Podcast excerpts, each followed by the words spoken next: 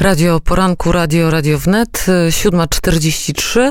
E, z Polska Wielki Projekt. E, o tym będzie rozmawiać z byłą ministrem, minister rozwoju Jadwigą Emilewicz po godzinie 8.30. Informacje, które być może do Państwa jeszcze nie dotarły. Bronisław Wilstein, laureatem nagrody imienia Lecha Kaczyńskiego. Prezes PiS w trakcie laudacji powiedział, jest człowiekiem, który zawsze idzie pod prąd. E, gratulujemy redaktorowi Bronisławowi Wilsteinowi. Bardzo się cieszymy z jego nagrody. I, e, i teraz e, chcielibyśmy też przypomnieć, jak Bronisław Bronisław Wilstein był naszym gościem, a tymczasem weszła do studia e, nasz e, wydawca Helena, która mówi o tym, że jest e, już nas, nasz gość. Dobrze, to poprosimy o dżingiel.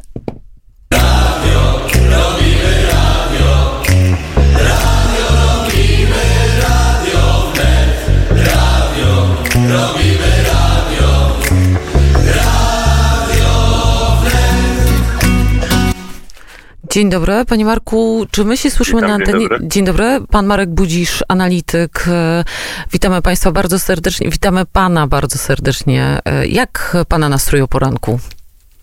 Dziękuję, bardzo dobrze. Możemy zacząć od Białorusi. E, według Radia Swoboda 260 osób zatrzymanych w trakcie demonstracji. E, agencja rosyjska TAS e, podaje, że były to użyte, były armatki wodne po to, żeby rozpędzić tłum. Pana zdaniem, w jakim kierunku zmierza sytuacja na Białorusi? Co de facto w najbliższym czasie się wydarzy? Czy Łukaszenka jednak ustąpi w jakiejś mierze chociaż? Wydaje mi się, że Łukaszenka mm, przedstawił pod koniec ubiegłego tygodnia mm, pewien plan polityczny, mm, który zamierza, który zamierza, który zamierza realizować, bo trzeba pamiętać, że on dość niespodziewanie spotkał się w więzieniu, e, w którym osadzeni są opozycjoniści, w tym e, niedoszły jego rywal w wyborach e, prezydenckich Babaryko spotkał się z, z częścią tych opozycjonistów, yy, rozmawiali 4,5 godziny z tego, co podała, z tego, co podały białoruskie oficjalne media, a z, z ujawnionych takich bardzo krótkich fragmentów, trzydziestokilkusekundowych, yy, tego, co Łukaszenka mówił, tam można było wychwycić taką frazę, że on mówił, że yy, konstytucji nie pisze się na ulicy. I najprawdopodobniej z tego powodu mm, ta, tłumienie demonstracji dzień później, czyli w niedzielę, no miało charakter e, dość brutalny, a przynajmniej bardziej brutalny niż, niż w poprzednich e, tygodniach. No i to jest pokazanie pewnego, e, pewnego scenariusza, Najbliższych wydarzeń. Chciała, chciałaby napisać władza. Też w sobotę do Swietłany Cichanowskiej z więzienia zadzwonił jej mąż. Pierwszy raz po 137 bodajże dniach ona miała możliwość z nim, nim porozmawiania. A dzień wcześniej y, Łukaszenka mówił o pani Cichanowskiej no, jako gospodyni domowej w gruncie rzeczy i osobie, która nie ma, nie ma związków y, ani doświadczenia politycznego i raczej jest matką i żoną. Wydaje się, że ten telefon no, miał podkreślać właśnie to, że jest żoną, a nie, mm, a nie politykiem. Czyli władza chce sobie wybrać, z kim, z kim będzie prowadziła dalsze ewentualne rozmowy i, i to jest Wiktor Wawaryko, który uchodził przez y, w oczach wielu za przedstawiciela pewnej formacji prorosyjskiej. A to, że na Białorusi w tym czasie, kiedy trwają demonstracje, otwierają Białorusini pierwszy blok atomowy, co to oznacza de facto gospodarczo dla Białorusi? Czy e, Białoruś, e, Białoruś się zatrzymała w związku z protestami? Czy Białoruś dalej gospodarczo funkcjonuje? Jaki jest tu wpływ Rosji?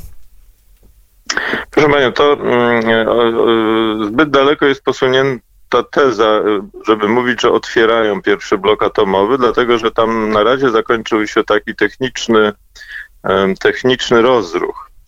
To otwarcie, uruchomienie czy produkcja energii elektrycznej w tym, w tym bloku, najpierw Łukaszenka mówił, że ona się rozpocznie w listopadzie, ale ostatnio pojawiły się informacje i, i, mówił to minister odpowiedzialny za energetykę, że, że to będzie rok 2021, więc w tym sensie to jeszcze do, do uruchomienia tego procesu jeszcze jest y, y, trochę czasu. W sensie y, pytanie, jak to wpłynie na system energetyczny, czy, czy na ener cenę energii elektrycznej na Białorusi.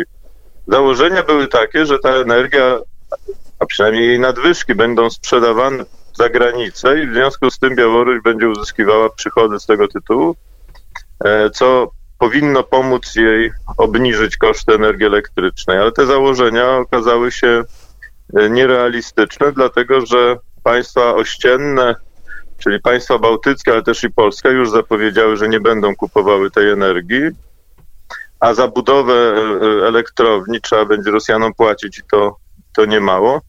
E, w związku z tym fachowcy białoruscy obliczyli, że skutkiem uruchomienia tej elektrowni w takiej sytuacji będzie nie obniżka, ale podwyżka cen energii elektrycznej na Białorusi. Więc, więc to nie jest inwestycja, która mogłaby być uznana za, e, za trafioną. E, I generalnie sytuacja na Białorusi z ekonomicznego punktu widzenia nie poprawia się, tylko raczej, raczej pogarsza. Tymczasem polska firma Rolnik, znana zapewne naszym słuchaczom, e, zakupiła, jak przeczytałam na pana Twitterze, białoruskiego przetwórcę warzyw. To znaczy, że, że to jest związane z ucieczką, pana zdaniem, może przesadziłam z tą ucieczką, ale z przechodzeniem biznesu w stronę polską, jak, nie wiem, jak zapraszał premier Mateusz Morawiecki, czy generalnie to jest koincydencja w tym przypadku? Nie, wydaje się, że to jest koincydencja, dlatego że mm, po pierwsze mm, firma Rolnik, z tego co można było przeczytać w mediach białoruskich, już od dłuższego czasu współpracowała mm, z, to, z tym przedsiębiorstwem, które, które zostało przez władze białoruskie już jakiś czas temu, czyli jeszcze przed tymi zajściami, czy przed rewolucją, e, e, wystawione na sprzedaż. Nie było na to chętnych, odbyły się E, dwa takie, dwie takie aukcje, gdzie nie, nie, nie znalazł się nikt, kto by chciał kupić i dopiero za trzecim razem firma Rolnik tę, to przedsiębiorstwo kupiła. Ono jest w tym sensie symboliczne, że pokazuje, że nawet w takim czasie naj, no naj, naj, najgorętszych kontrowersji, czy sporów, czy, czy, czy, czy, czy, czy ochłodzenia relacji, no bo taka jest dzisiaj sytuacja, jeśli chodzi o relacje między Polską a Białorusią. Biznes może i ro, roztropnie wspierany, no może sobie znaleźć jakieś e, kanały y, y, inwestycyjne i, i, i, ekspansji kapitałowej y, na Białoruś, co zawsze buduje nawet w niewielkim stopniu, ale jednak no, naszą pozycję w tym kraju. Dialog oraz współpraca strategiczna Rosji i Francji. Teraz przesuwamy się kawałek dalej. E, serwisy informacyjne codziennie informują nas o tym, co się dzieje, jeśli chodzi o Paryż, Londyn, Nowy Jork. Tymczasem jakby COVID nie dotykał Rosji. Pana zdaniem, jak Putin, jak władza Rosji radzi sobie z pandemią światową? No ale wie pani, to teza, że COVID nie dotyka Rosji, nie odpowiada rzeczywistości. Mm, e, liczba zachorowań dziennych e, na COVID w Rosji jest obecnie wyższa niż w czasie tak zwanej pierwszej fali.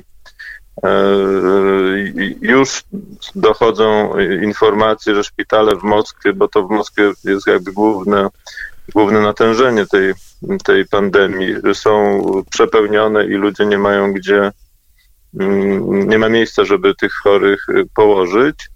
Więc w tym sensie mm, Rosja tutaj nie jest wyjątkiem. Tak samo jak y, y, gdzie indziej boryka się z drugą falą pandemii, która się, się nasila. Więc to jest jakby pierwsza, pierwsza informacja. Natomiast podejście władz rosyjskich jest zapewne odmienne od, od podejścia władz innych krajów, a mianowicie władze rosyjskie uważają, że po pierwsze dysponują szczepionką, która, która jest skuteczna, co też notabene nie odpowiada prawdzie, a po drugie, a po drugie uważają, że nie można zatrzymać gospodarki, w związku z tym te wszystkie ograniczenia muszą mieć charakter selektywny i, i, i taki ostrożny, tak można by to powiedzieć. No w Moskwie na przykład tam są elektroniczne bilety do metra, zablokowano te bilety dla wszystkich osób powyżej 60 lat, bo oni dostali taki, nazwijmy to, zalecenie, żeby siedzieć, żeby siedzieć w domu. E, ale gospodarczo Rosja na pewno odczuje drugą falę, drugą falę pandemii. Już o tym ekonomiści rosyjscy mówią, że ten spadek, e, który po pierwszej fali wyglądał, że będzie niezbyt głęboki, bo się mówiło około 4% PKB spadku w tym roku, już zaczynają mówić, że będzie głębszy. To y, jaki wpływ y, Rosja i inne kraje y, w regionie mają na konflikt w Górskim Karabachu i to, co się dzieje w Kirgizji? Pana zdaniem to są rzeczy, które się dzieją po prostu dlatego, że już doszły do kulminacji pewne oddolne oczekiwania społeczne, czy to jest po prostu gra, żeby odwrócić albo wywołać konflikt w regionie? No to musielibyśmy omówić e, dość precyzyjnie, na co niestety nie mamy czasu, zapewne mm, e, sytuację w obydwu krajach, więc e, w pewnym skrócie rzecz ujmując, będę, zacznę może od Kirgizji, bo to jest prostsza sytuacja. Mianowicie Kirgizja jest krajem bardzo, bardzo biednym. Tam dochód PKB na głowę przekracza niewiele tysiąc, niewiele tysiąc dolarów i znacząca część przychodów czy, czy, czy, czy dochodów, które Kirgizi mają, pochodziła do tej pory z, z tego, co przesyłali Kirgizi pracujący przede wszystkim w Rosji, głównie w sektorze budowlanym. E, około 40% e, transferów walutowych do Kirgizji to były te pieniądze przesyłane przez, przez gasarbajterów. E, w związku z pandemią to się, to się wstrzymało, dość znacząco spadło, a Kirgizja generalnie była krajem podzielonym na linii północ-południe i tam polityka opiera się na rywalizacji klanów. Y, no i to w pewnym momencie po prostu y, wybuchło w związku z, z wyborami parlamentarnymi, które może nawet nie były sfałszowane, ale po prostu kupowano na, na masową skalę głosy partie z południa, czy, czy raczej klany z południa, które założyły partię, to są bogatsze bogatsze formacje, oni mieli więcej, więcej pieniędzy. Ale sytuacja paradoksalnie się dość stabilizuje. Po tym tygodniu e, zamieszek i rozruchów tam, tam się trochę uspokaja. E, e, są też informacje, że to głównie dzięki interwencji rosyjskiej, że tam kroczyła armia, został wprowadzony stan wyjątkowy. Prezydent Jan Bekow obwieścił swoje odejście.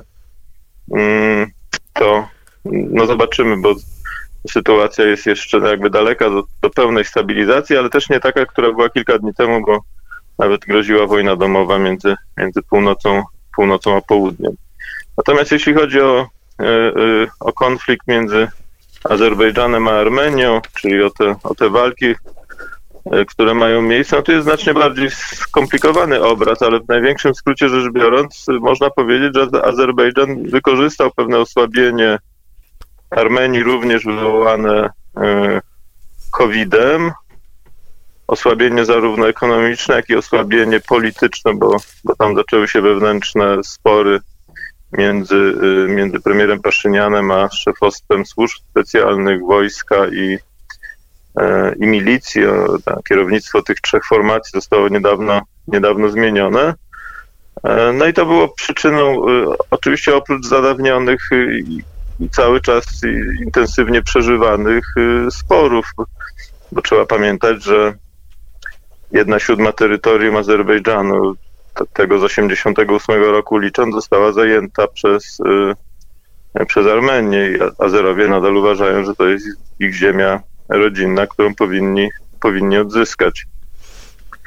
E, po prostu w Baku uznano, że potocznie rzecz biorąc, otworzyło się im okienko możliwości i, postawili na rozwiązanie siłowe i wydaje się, że skutecznie. To znaczy osiągnęli, jak można sądzić po wyniku tych rozmów w Moskwie, które miały miejsce pod koniec tygodnia i zakończyły się rozejmem, e, wydaje się, że Azerowie osiągnęli swoje cele polityczne. To będziemy się przyglądać e, sytuacji e, u naszych sąsiadów, a panu bardzo serdecznie dziękujemy. Gościem poranka wnet e, był Marek Budzisz, analityk. Bardzo pięknie dziękuję i życzę dobrego dnia. Dziękuję bardzo. Dziękuję, do widzenia. Słuchają Państwo poranka wnet. Za chwilę serwis informacyjny dla Państwa. A teraz jeszcze reklamy? Będziemy grać Tracy Chapman.